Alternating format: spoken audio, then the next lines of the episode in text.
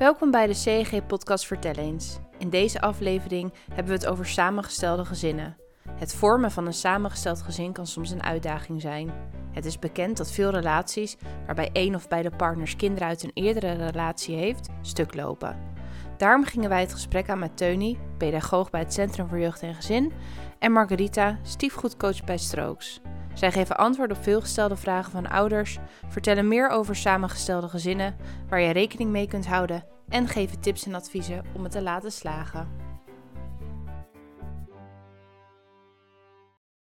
Nou, welkom uh, en Margarita. Uh, kunnen jullie je voorstellen en wat meer over jullie werk vertellen? Ik ben uh, Teuny Dibbits. Ik ben pedagogisch adviseur in het Centrum voor Jeugd en Gezin. Leiden, Leidendorp, Zoeterwoude en Nieuwkoop. Wij spreken met ouders die vragen hebben over het grootbrengen van hun kinderen, allerlei leeftijden. En daarbij krijgen we ook met enige regelmaat een vraag over een ouder die uh, in een stiefgezin is, dus die zelf stiefouder is of ouder is met een nieuwe partner die de stiefouder is van zijn of haar kinderen. En uh, waar ze daarbij tegenaan kunnen lopen. En dan proberen wij met ze mee te denken. En, uh, ik ben Margita Bernal en ik ben, werk vrij breed in de zin van dat ik met individuen werk, relatietherapie en ook samengestelde gezinnen. In de samengestelde gezinnen werk ik ook met exen die bijvoorbeeld conflict hebben of die niet uitkomen. Nou, die kunnen dan bij je meten. En ik werk volgens de stiefgoedmethodiek. Oké, nou, uh, stiefgoedmethodiek heb ik nog nooit van gehoord. Ik ben straks heel erg benieuwd uh, wat dat precies inhoudt. Maar eerst wil ik heel even een, stapje terug. En uh, we het inderdaad, gaan we het hebben over samengestelde gezinnen. Maar wanneer spreken we eigenlijk van een samengesteld gezin? Wat is dat? wanneer partners, een van de twee partners heeft kinderen met iemand anders. Dus, en formeel is het als de kinderen 50% bij de een of bij de andere wonen.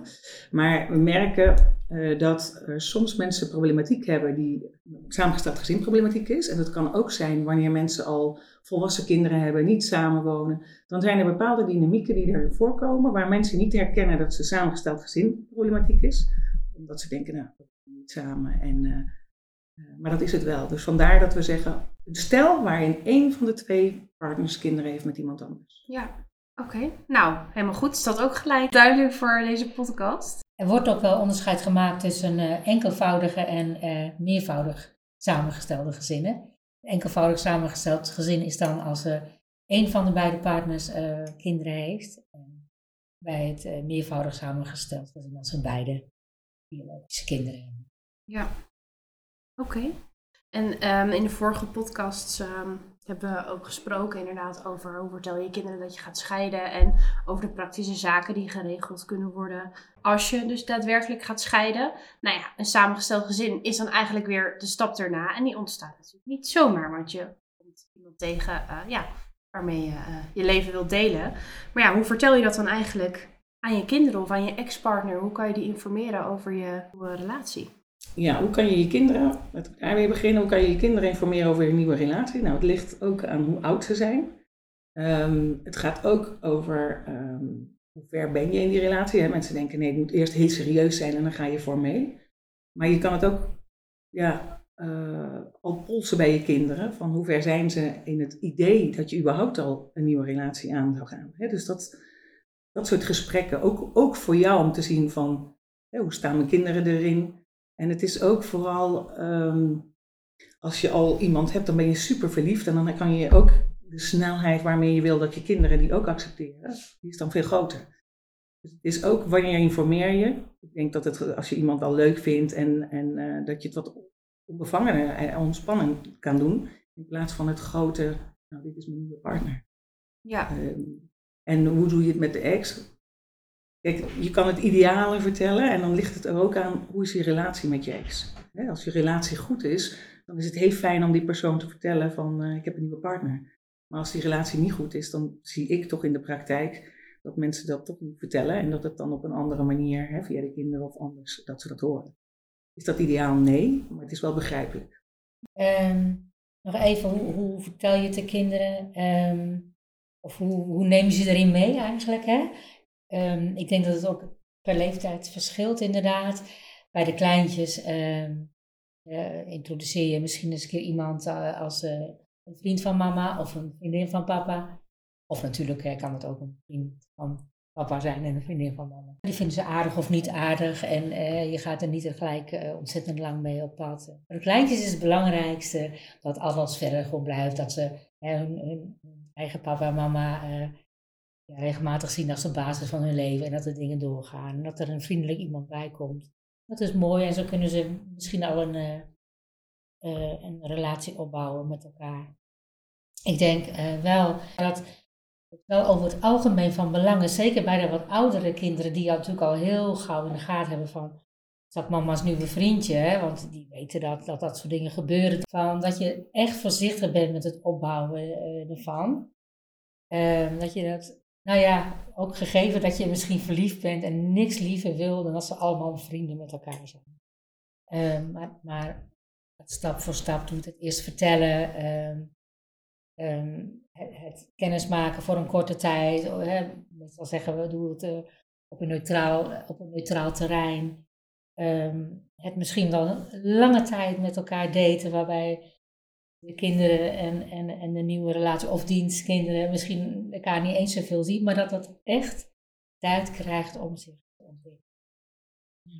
Daarbij is het ook belangrijk dat je je realiseert, geef het de tijd, wat Tony zegt. En dat je niet te veel verwachtingen hebt dat het meteen heel leuk en goed moet zijn. Dat je ook vertrouwt. Kijk, de ene die is al meteen eh, is al bezig met, oh leuk, papa of mama heeft een nieuwe vriend of vriendin. En die staat open en die is bezig met de volgende fase en oh leuk. Sommigen die zitten nog in een loyaliteit naar de andere ouder of zelf hebben ze zoiets van waarom moet het allemaal veranderen, dat willen we niet. Dus die zijn veel meer gericht op het verlies wat ze eigenlijk niet willen, eh, dan op het herstellen en het leuke nieuwe. En als je als ouder is het misschien ook goed om daar ook inzicht te hebben dat iedereen verlies op een andere manier verwerkt. En dat sommige kinderen kan je niet merken, maar dan komt het op dat moment. Hè, dan, door hun protest kan je zien, oh ja, ze zijn toch nog niet zo ver. Hè? En, uh, ik denk dat het vooral belangrijk is voor ouders om dat te realiseren, zodat je de kinderen kan opvangen. En kan zien, oké, dan druk ik even niet nog door dat het toch heel leuk is en toch anders moeten kijken. Hè? Wat heel natuurlijk is, want je bent super verliefd. En je wil natuurlijk dat de mensen van wie je houdt ook fijn met elkaar omgaan. Ik denk in het kader van kinderen dat het goed is om je verliefdheid even een beetje bij jezelf en bij je partner te houden. En als je gaat voorstellen aan de kinderen dat je ook denkt van, oh ja, het kan ook niet zo enthousiast zijn. En hoe voel je dan wanneer het dan wel het juiste moment is? Ja, dat voel je als, als je de hobbels van, hè, want neem het niet persoonlijk, hè, want dat is het probleem. Soms kan de, ligt ook een beetje aan hoe de nieuwe partner omgaat met hoe de kinderen doen. Want sommigen kunnen zich echt pijnlijk afgewezen voelen. Ja, uh, dan is het ook hoe ben jij? Hè? Kan, je, kan je weer verbinden met de kinderen? Kan je leuke dingen doen? Of kan je, kan je daarin iets? Of voel je je zo gekwetst dat je denkt van nou die kinderen vind ik niet meer leuk? Dat maakt natuurlijk ook uit. Ik zie, ik zie ze allebei. Ik zie mensen die dan echt de ruimte aan de kinderen laten. Nou ja, dan komen ze. En ik zie anderen die denken van, oh ja, maar dat kind wil me niet. Een belangrijke rol is de rol van de ouder. Want daar waar de kind hè, zegt, ik vind je niet leuk, dat die ouder wel daarnaast staat en die partner steunt. Dat is wel belangrijk. En op welke manier zou dat dan kunnen? Nou, door te zeggen, ja, ik, uh, hè, um, te erkennen dat het niet leuk is herkennen dat het kind bijvoorbeeld, weet ik het, stel je voor, net zoals een kind tegen papa kan je zeggen, papa je bent stom. En dan kan je, de ene ouder kan het hebben, de andere niet, maar het is je eigen kind. Als een kind iets doet tegen een, uh, iemand die niet zijn ouder is, dat je zegt, oh ja, dit is niet zo fijn wat een kind moet zeggen. En dan hoeft dat kind wel of niet iets te zeggen, maar dan gaat het vooral, oh, jij steunt me, jij ziet het. Ja. ja en dan heeft dat kind wat meer speelruimte om te wennen. Ja, het gaat dus telkens eigenlijk om twee dingen, denk ik. Hè? Aan de ene kant die reële verwachtingen uh, van wat je kan, van kinderen kunt verwachten. En uh, wat je sowieso van uh, de groei van een stiefgezin kunt verwachten. Er worden altijd getallen genoemd van jaren om, hè, om echt tot een, ja. ja. een harmonieus geheel te komen. Uh, dat wetend kan al wat rust geven, kan ik me zo voorstellen. Dat je allemaal mag groeien. En maar ook um, hoe je kind uh, ja, te ondersteunen en te begrenzen. Hè? Als het zich bijvoorbeeld heel op een nare manier uitlaat uh, tegen, de, tegen de partner. Uh, maar je realiseren dat het voor een kind, nou, hè, die loyaliteitskwestie echt kan spelen. Van die neemt de plek in van, van, mijn, van, mijn, van mijn moeder of vader en zeker als diegene ook bij jullie woont. Um, maar ook de de angst, eh, bijvoorbeeld als je eh, papa of mama, meestal zijn het papa's alleen in het weekend ziet en papa heeft een nieuwe vrouw en die is altijd maar bij papa en dat, ze, dat je daardoor uh, papa bijna nooit meer alleen te spreken krijgt. Dat kan ook zoveel kwaad bloed zetten en dat begrijpen en daar ook wat mee doen om je kind te helpen, dat kan ja, iedereen, iedereen zo ten goede komen. Mooi. En wat als die acceptatie niet komt? Ik kan me voorstellen dat het best wel uh, lastig is. Het zijn stappen. Hè? Ik merk in de trajecten die ik heb met mensen, als ze dan komen, dan komen ze omdat die acceptatie er niet moeilijk is. Ik merk vooral het werken aan, aan, aan harmonie, rust, verbinding. En ze komen inderdaad omdat er, nou ja, de voorbeelden die we nu geven, hè, dat het dan escaleert of dat ze daarin gekwetst zijn. Ik denk het eerste is zien ja, je zegt die verwachtingen, hè, die verwachtingen naar beneden en zien van wat zijn dingen die je te accepteren hebt omdat ze eenmaal zo zijn. Een samengesteld gezin is echt iets anders dan een kerngezin. Dus er is het ook een stukje psycho-educatie zien van wat is het verschil van beide. Want het is zonde als je jarenlang probeert iets te veranderen wat gewoon niet te veranderen valt. Uh, dus het verschil zien van wat kan je veranderen en wat heb je te ja, accepteren. En accepteren is misschien een groot woord, dus ik zeg wel eens ja tegen te zeggen dat het zo is. En daarbij mag je zeggen, en ik vind het super vervelend dat het zo is. Dus het is niet dat je het niet accepteren van, nou ja, dan voel je er niks meer bij. Uh, want soms begint het al heel simpel, doordat iemand bijvoorbeeld een partner heeft die kinderen heeft. En dan begin je heel verliefd en dan denk je, ach, het komt allemaal goed. En dan gaandeweg ontdek je hè, al die dynamieken die, die met zich meebrengt. En dat je eigenlijk met de bril van kerngezin keek van, nou, ik hou van die kinderen, ik hou van de partner, we zijn allemaal blij. En dan merk je van, ja, die kinderen die zijn anders opgevoed. Die, man die zo'n leuke partner is, ja, maar hoe die met zijn kinderen omgaat. En uh, ja, en nu heeft hij aandacht voor de kinderen, maar waar ben ik? dus dan zie je allerlei dingen die er komen, waar je dan ook mee om moet gaan. En bijvoorbeeld die ex, die, waarom, waarom is zij erbij? Zij is er toch niet meer? dus, dus als je kijkt met de, met de bril van een kerngezin, papa, mama, kinderen, een strandje. Want dat werkt niet. Er is al een eerste vrouw of een eerste man. Die kinderen zijn niet van jou. Dus je begint die band die bij de ouders biologisch is, die heb je op te bouwen. Dus daar waar het super fijn kan zijn, komen er ook dingen waar je op een andere manier mee om hebt te gaan. Dus als je zegt, ja, als de acceptatie moeilijk is, dan is het fijn als ze ergens naartoe gaan om te snappen van, hé, hey, maar wat gebeurt er met ons? Ook hierin uh, zijn misschien bepaalde dingen wel belangrijk, ook voor ouders om te weten, om ja, dingen uh, sowieso al wat meer te normaliseren. Dat het er een beetje bij hoort, dat is aan de ene kant dat het kan gebeuren dat bepaalde leden van, de, van het nieuwe samengestelde gezin, zeg maar, elkaar nooit van elkaar zullen gaan houden. Hè? Ze, hebben elkaar te respecteren. Maar dat, dat, dat dat zo is. En ook dat er, uh, wat, wat, wat Margarita net schetst hè, van in het begin, nou die liefde en die kinderen allemaal leuk, leuk, leuk, dat kan niet fout gaan in ons geval. Maar dat is eigenlijk dus het standaard begin, zou je bijna kunnen zeggen. Hè? Van, zoals het begint met vol goede verwachtingen en voornemens. En, vooral moeders, uh, vrouwen moet ik zeggen, die kunnen dan denken van... Oh, ik, ik ga zo leuk met die kinderen om. En er komt altijd een periode, nou ja, altijd is natuurlijk veel gezegd, maar er komt meestal een periode waarin het opeens helemaal niet meer zo vanzelf gaat. Dat kan samenhangen met met elkaar gaan wonen en opeens gaat ze zich er echt mee bemoeien of hij gaat zich er echt mee bemoeien. Uiteraard als er andere kinderen bij betrokken zijn, bij een andere positie in het gezin krijgen, eh, je kamer moeten delen.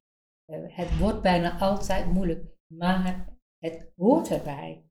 Een kuil die, van waaruit je weer mag gaan opklimmen. We noemen dat verschillende fases. Dus de eerste fase is degene die van verliefdheid, de roze polhak, alles is geweldig. Het hoeft niet per se de volgorde te zijn hoor, maar wat je zegt, helemaal fantastisch. Dan komen de eerste um, uh, barstjes. Dan denk je, oh ja, het is allemaal niet zo goed. Nou, dan komt het wakker liggen, een beetje de nachtmerriefase. En dan daarna, hè, dan kan het herstel uh, of het, het, nieuwe, het zien van, oh ja, dit is de nieuwe werkelijkheid. En het hoeft niet in deze volgorde te, te zijn. Hè. Sommigen beginnen met de derde en daarna worden ze verliefd.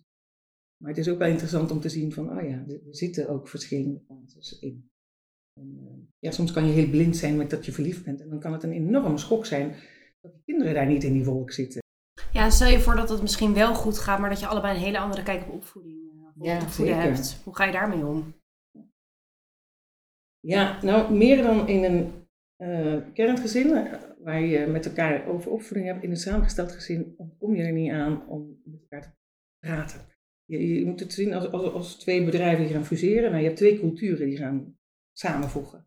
En in het samenvoegen, en je zegt al over dat er verschillende soorten gezinnen, hè, hij kinderen, zij kinderen, even hij, zij, om het even gemak, twee partners. Uh, ja, en dan kan het zijn dat de ene die voet zo op, de andere die voet zo op. En hoe doe je dat samen? Maar dan gaat het heel erg over, over gesprekken over van hé, hey, hoe doe jij het, hoe doe ik het, wat is leuk van hoe, hoe je het ervoor deed. Dus dat je ook gaat kijken, misschien bij papa en mama, toen papa en mama samen waren, deden we dit. En dat missen we nu hier. Dat je die gesprekken gaat voeren. Of dit hadden we niet. Het is ook een kans om nieuwe dingen samen te vormen, nieuwe tradities, nieuwe dingen. Maar het is ook wel fijn om te zien van, uh, ja, wat zijn de opvoedstijlen? Uh, hoe voed jij op? Wat vind jij prettig? De normen en waarden die ieder heeft. En wat ik denk dat de basis is, of ze de houding hebben om naar elkaar te luisteren. Soms is het van, nou, zoals ik het doe, is normaal. Hè? Als ik wel eens vraag, hoe is het? Ja, normaal. Ja, hmm. maar hier moet je de definitie, wat is normaal? Dus je, je, je moet heel anders gaan gaan praten met elkaar. Dingen die voor jou heel normaal zijn. Ja, nou, natuurlijk gaat die pot pindakaas, weet ik veel, daarboven. Ja, nee, die moet in de koelkast. Of hè, als je gegeten hebt, dan ruim je alle bordjes op. Nee, alleen je eigen bordje op. Hè? Eh, van die dingen die je doet omdat je denkt, ja, dat is normaal, dat weet toch iedereen? Nee, dat doet jouw gezin doet het zo. En bij ons doen we het zo. Dus het is, dat kan je spelenderwijze, als, als het begint, kan je dat op een leuke manier van, nou, laat ik zien hoe doen jullie het, hoe doen wij het. Dan moet je wel je realiseren dat er geen goed en fout is. Ja. En, en, dat is denk ik belangrijk. En daar dan misschien een beetje een middenweg in vinden. Nou, ja. En, zien, en, vooral, ik denk dat het vooral het belangrijkste is, voordat je al naar die middenweg gaat, elkaar leren kennen. want elkaar in de waarde laten is makkelijk als iemand eenzelfde waarde heeft. Maar bij een andere waarde kan, heb je meer, hé, hey, en waarom doe je het zo? Vertel eens. En als je dat hebt bereikt, dan is het leuk, want dan kan je van elkaar leren. Maar wat ik wel eens zie, is dat het vooral is, oh, maar als jij het zo doet, dan doen wij het fout. Nee, wacht even, zo moet je het doen. En dan krijg je meer een conflict van, nee, mijn kinderen doen het goed, jouw kinderen doen het niet. Hè? En dan krijg je dat. En dan sta je niet meer naast elkaar, maar tegenover elkaar. Ja, en wat ik jou ook wel eens heb horen zeggen is dat, uh, dat, je, het, uh, dat je ook probeert om het niet bij die ene pot pindakaas te houden. Hè, en al die andere dingen te kunnen spelen, maar dat je samen ook gaat zoeken naar van, wat zit er eigenlijk onder? Hè? Wij vinden het in ons gezin enorm belangrijk dat. De waardes. Voor ons uh, is dit een grote waarde. Ja. En daarin wellicht ook, een beetje afhankelijk van de leeftijden, maar ook de kinderen in gaan. We moeten het echt ja, toch opnieuw gaan vormgeven. Ja, en dat is een ongoing proces. Dat is niet iets wat je een keer afspreekt en dan ja, dat is verder gaat uitvoeren. Dat is belangrijk wat je nu zegt. Want soms denken ze, nou we hebben één gesprek gehad, nu moet het helder zijn. Het is echt een ongoing proces. Mhm. En ook de ruimte geven als je iets wil veranderen. bijvoorbeeld, dan komt het ene gezin en die vindt de netheid en orde belangrijk. Structuur. Het andere, uh, andere gezin vindt gezellig, is gewend aan gezelligheid. En dan hebben ze de regel dat de schoenen uh, uit moeten voordat je naar boven gaat. Nou, dan zie je opeens het ene kind naar boven gaan. En dan is het net zo gezellig en dan, ja, dan moet je even handhaven. Nou, ja, gezelligheid gaat toch boven. En dan krijg je dus uh, die discussie. Maar eigenlijk gaat het over, ja, maar ik vind, vind gezelligheid belangrijk. En de andere moet toch ook orde en netheid zijn. Ja, en dat gaat, dit gaat dan eigenlijk allemaal binnen je eigen gezin of je eigen nieuwe samengestelde gezin, als ik het zo uh, mag noemen. En wat nou als jouw ex-partner, uh, dus de biologische vader of moeder van jouw kind, kinderen, uh, een nieuwe partner eventueel ook nog met kinderen krijgt?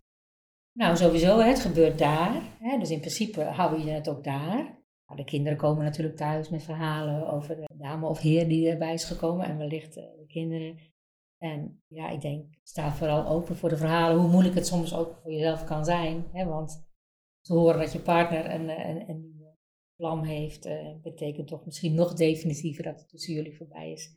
Respectvol over de ander te, laten praten, uh, maar wellicht ook uh, oor te hebben voor wat ze lastig vinden aan het feit dat er nu, nu iemand bij betrokken is.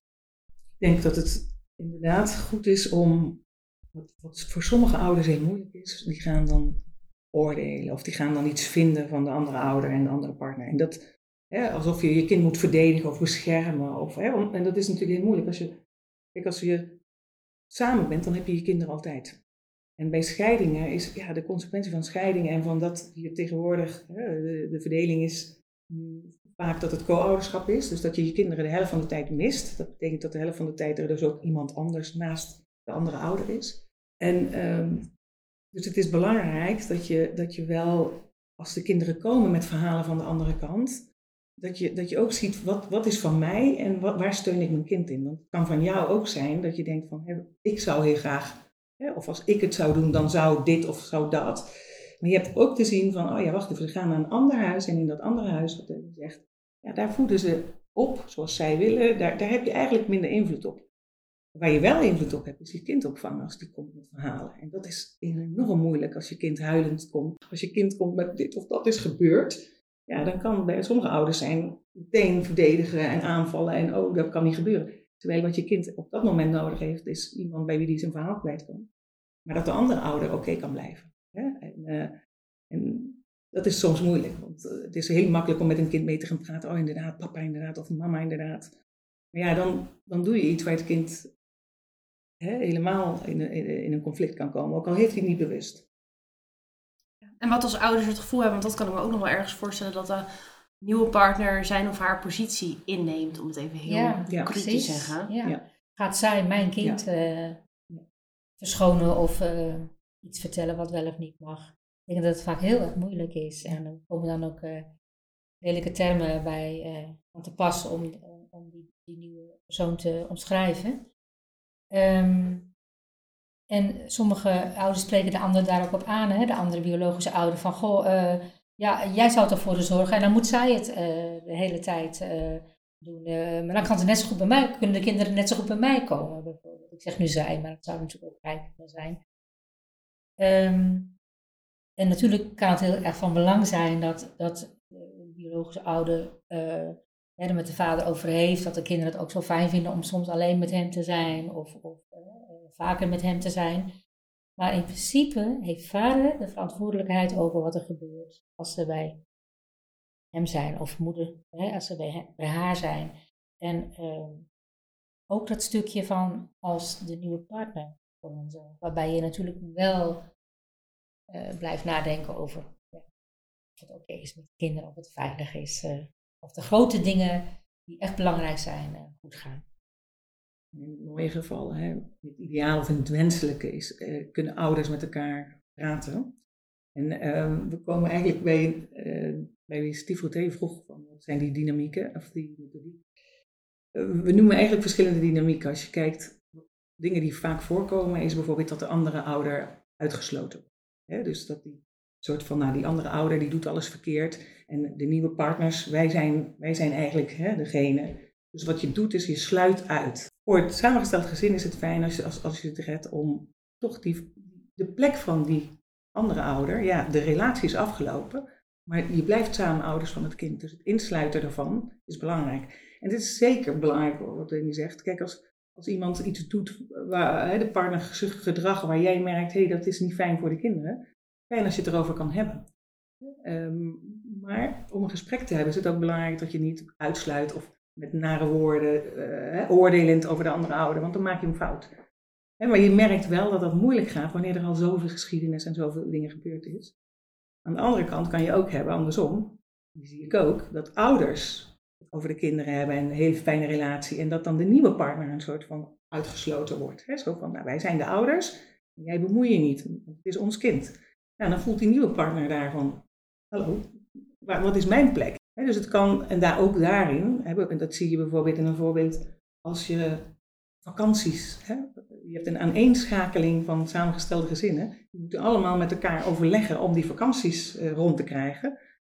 En dan zie je wel eens dat dat misgaat, want dan heeft, hebben de ouders eindelijk, uh, bijvoorbeeld heeft de, de, nieuwe partners bijvoorbeeld afgesproken, dit is het. Dan gaat die ene met de ouder praten nou, in dat gesprek verandert het. Dan neemt hij dan die nieuwe partner niet mee. Dan komt hij thuis, is het allemaal veranderd. Ja, dan voelt zij of hij en ik dan.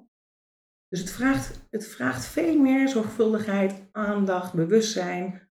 In iedere keer meenemen. Daar waar uh, in een kerngezin het vanzelfsprekend en makkelijker gaat, kom je er niet mee weg, zou je kunnen zeggen. Om niet te praten en te communiceren. En wat is een gesprek? Een gesprek is niet vertellen wat je allemaal verkeerd vindt, maar echt proberen te begrijpen hoe gaat het daar aan toe. Ja. En wat is jouw derde? De derde dynamiek is de spagaat. Ja. En dat is wanneer, we hebben het een beetje gehad, hè, wanneer je, uh, je bent de ouder en je hebt natuurlijk helemaal verliefd ben je op je nieuwe partner en je kinderen. En die partner en de kinderen, ja, die opvoeding en die poppitkas of andere dingen. Hè. En dat, dat je voelt van, ik moet mijn kinderen vertellen hè, uh, dat mijn partner wel lief is en mijn partner dat mijn kinderen. Dus je voelt je in het midden en je voelt je dat je ertussen zit en dat je heen en weer gaat. Gevangen, gevangen tussen beiden. Nee, dat de stiefouder zich alleen voelt. Ja. He, als, zolang uh, zij of hij met, met, een nieuwe partner samen is, is het allemaal goed. En dan komen de kinderen en dan lijkt het net alsof ze een andere partner heeft. Doet hij anders tegen haar? Lijkt het soms wel alsof hij of zij er niet toe doet. Uh, gaat hij misschien of zij niet de kinderen niet terecht, terecht wijzen terwijl, hij, terwijl deze uh, de, de partner negeren. Is vaak ook een heel lastig punt. Hè? Ja, dit klopt. En, en wat je ziet is dus dat, wat je zegt, als ze met z'n tweeën zijn, dan is het fantastisch. Waarom? Omdat ze dan partners zijn. Op het moment dat er kinderen zijn, ben je niet alleen partner, ben je ook ouder. Mm. En dan switch je. Hè, en dan ben je ouder voor die kinderen. En dan gaan die kinderen voor, omdat die kinderen behoeftes hebben. En dan zie je de partner, en ik dan, en ik dan. Ja, en ik dan. Dus het is verdelen. En ik denk dat het belangrijk is, iedere keer als de partner, ook al is het maar een blik van hallo, ik zie je. Of naast elkaar staan, of even een hand geven zo van, ik ben bezig met de kinderen en ik zie jou. en als, dat, dat hoeft maar heel klein te zijn, maar wel even laten zien, jij bent mijn partner. Dan kan je een hele kleine ding doen. Wat ik inderdaad zie is dat soms, als dat er niet is, de nieuwe partner uh, buitengesloten voelt en zelf ook afstand neemt. Ja, dus die gaat zelf weg. Die gaat dan zelf weg. Ja, en dan is het ingewikkeld voor die ouder om, oh ja, jij was er ook nog, dan moet hij er zo ver gaan halen. Dus het zijn dynamieken die er inderdaad. Uh... Zeker. En er speelt denk ik ook de kwetsbaarheid van de biologische ouders een rol bij. Hè? Van, zeker als een nieuwe persoon denkt: goh, dat zou je toch best wel wat anders kunnen doen. Of je geeft ze nu wel heel veel toe. Of, hè, dus een beetje iets wat naar kritiek uh, uh, ruikt. Neigt, ja. Neigt. Neigt. wellicht, althans zeker in de ogen van de, de biologische ouder, dat die gauw in de defensie kan schieten. De kinderen zijn ze alles en uh, dat moet er niet aankomen. En dan krijg je van die discussies die eigenlijk gaan over ja, gekwetstheden, gevoeligheden, die best heel ingewikkeld kunnen zijn. Kan ik me voorstellen. We hebben nu best wel wat uitdagingen besproken, maar zijn er ook succesverhalen van samengestelde gezinnen? Heel veel, gelukkig, gelukkig genoeg. En succesverhalen, en ik kan één vertellen wat ik heel mooi vond van afgelopen week. Vond dat mooi, want dat was een, een stel, een nieuw stel. En die kwamen en uh, bij hun, uh, de problematiek waar we met hun bezig waren, was de uh, ex, dus de andere ouder. Want ze hebben allebei een kind en ze wilden dat de weekenden samen vielen. Want nu viel het het een of het ander. En die andere ouder die had zoiets van, nou dat gaan we niet doen. Er hoeft maar één iemand iets te veranderen en dan verandert de hele dynamiek in het systeem. En degene die bij mij komen, ja, die komen en die kunnen werken. Dus ben ik begonnen met, kijk anders naar die persoon. Hè? En dat wil ik niet zeggen dat de dingen die ze gedaan hebben, hè, die ex, dingen die ze gezegd heeft, dat het is zeker kwets, kwetsend geweest. Uh, hoe kan je voorbij het goed of fout kijken en, en zien wat is het wat je wil en hoe, hoe zou je het ideaal willen? Nou, op een gegeven moment, na die sessies, uh, ja, die persoon, die, die, die vrouw, die, heeft dat tot zich genomen. Die moeder, die was jarig en toen heeft ze haar gefeliciteerd voor de verjaardag heel zacht. Hè? Dus ze zei, ik heb vooral geleerd om wat zachter te zijn. Maar ik ben nog wel boos. Toen zei ik, ja, maar het is en-en. Je mag heel boos zijn. Alleen de vraag is, ja, wat, wat, wat wil je? Ja, het is het tempo. En ze had dat gedaan. Nou, die mevrouw had dan geantwoord. Ze hadden contact gehad. En nu hadden ze, dat vind ik het succes dan. Ze hebben niet alles omgegooid, maar er is in ieder geval één weekend nu geweest waar ze, waar ze het konden ruilen. Ze waren heel erg blij, in ieder geval met dit weekend. En ze hebben nu toe om te kijken hoe verder. Maar wat ik zeg, hè, ze, er zit een stukje wat kan ik anders doen? En ook de verwachting van, oh het zal niet gebeuren, maar nou ja, hoe ik me ga gedragen. Waar liggen de mogelijkheden? Waar liggen de mogelijkheden? Ja, Marguerite, ik wil eigenlijk nog heel even teruggrijpen op iets wat je, wat je even weer een tijdje terug Want toen had je het inderdaad over vakanties. En dat inderdaad de aaneenschakeling van, uh, van vakanties. En dat als er iets in de dynamiek verandert, dat dat uh, op meerdere mensen invloed heeft. Maar hoe zit het eigenlijk? Want we krijgen best wel veel vragen van ouders over dus dat soort praktische dingen. Dus onder andere vakanties inderdaad, weekenden, uh, feestdagen, kosten. Bijvoorbeeld ook, hoe kan je daarmee omgaan? Heb jij daar tips voor? Kijk, je hebt twee, twee uh, uh, moeilijkheden. Eén is dat het gewoon moeilijk is praktisch, hè, van die agenda en die agenda. En je hebt het moeilijke van ik, ik gun het de ander niet of ik, we, zijn, we communiceren niet goed. Als, als je al ideaal met elkaar omgaat, is het al ingewikkeld om de agenda's bij elkaar en te kijken wanneer kan het. Het is gewoon zo belangrijk om flexibel te kunnen zijn. dus het is ook interessant om te zien waar blijft het steken. Want je kan zeggen het is praktisch, maar het is ook de, vooral communicatie. En ook het vertrouw je de ander dat hij het je gunt. Vertrouw je dat het niet is van, oh ja, jij wil zeker wat jij wil. Nee, soms is het gewoon heel ingewikkeld. En als jij bijvoorbeeld een oplossing ziet, stel hem voor. Want soms zie ik dat ook. Dan heeft iemand de wijsheid, maar die zegt, ja, ik ga dat niet zeggen. En dan denk ik, oh wat zonde. Jij, jij kan dat bedenken. Maar kennelijk kan je je niet voorstellen dat de ander iets wat voor jou zo makkelijk is, dat de ander dat niet bedenkt. Geef het hem. En dan, en dan, en dan kan je die knoop weer loskrijgen. Uh, dus het, is ook, het gaat over samenwerken, maar dan komt het woord samen weer en dan ligt het eraan hoe goed werk je samen. Ik wil eigenlijk alle ouders die in een samengesteld gezin complimenten geven, want het is sowieso, het is, het is echt ingewikkeld. Het is, uh, het is ingewikkeld om alles af te stemmen. En natuurlijk is er het ene gezin zal het makkelijker hebben, dus ik wil niet zeggen dat alle samengestelde gezinnen ingewikkeld zijn. Ik zie ook hè, die, nou, soepel gaan. Maar als ze soepel gaan, dan is het omdat er mensen zijn die daar echt voor werken. Het gaat niet vanzelf. De nieuwe partners, even, mag ik een adviesje aan de nieuwe partners geven? Zeker. Um, die zijn het fundament van het nieuwe samengesteld gezin. En die relatie en die liefde, de liefde van de partners van het samengestelde gezin, die is gewoon heel groot. Dus als je ondergesneeuwd gaat, ga iets leuks met elkaar doen en herinner je aan waarom je dit samen doet. dus die liefde van de, van de nieuwe partners is waardoor je het allemaal doet. wat ik soms zie is dat mensen zo, door al die, ja, die Mieke en de exen en de kinderen van de ene en van de andere, dat ze dan geen tijd voor elkaar uh, uh, inruimen. Dat ze dan, ja, waarom doe ik dit eigenlijk? Nou, ga iets leuks doen samen om je te herinneren, oh ja, dit is waarom we het doen, die liefde, hè, waarom we van elkaar houden. En wanneer uh, schakel je stiefgoed op het CEG in? Sowieso, CEG kun je altijd inschakelen, stiefgoed wellicht. Ook CEG is natuurlijk een gratis iets. Hè. Uh, sowieso kun je altijd terecht bij de mensen van de jeugdgezondheidszorg, maar ook bij iemand uh, zoals ik, dus een hoger pedagogisch adviseur. Iets dergelijks heeft elke CEG om gewoon eens van gedachten te wisselen over waar je tegenaan loopt. En dan met name uh, ja, in, in het ouderschap. En zij kunnen ook uiteraard doorverwijzen. En dat kan ik ook. Ik, verwijs ook naar Margarita. En wanneer is dat dan? Als ik denk van ehm, deze vraag is nog meer over het feit dat het om een stiefgezin gaat dan om de gewone opvoeding. Ja, wanneer je het gevoel hebt dat de vraag meer gespecialiseerd is op het stiefgezin ja. dan op.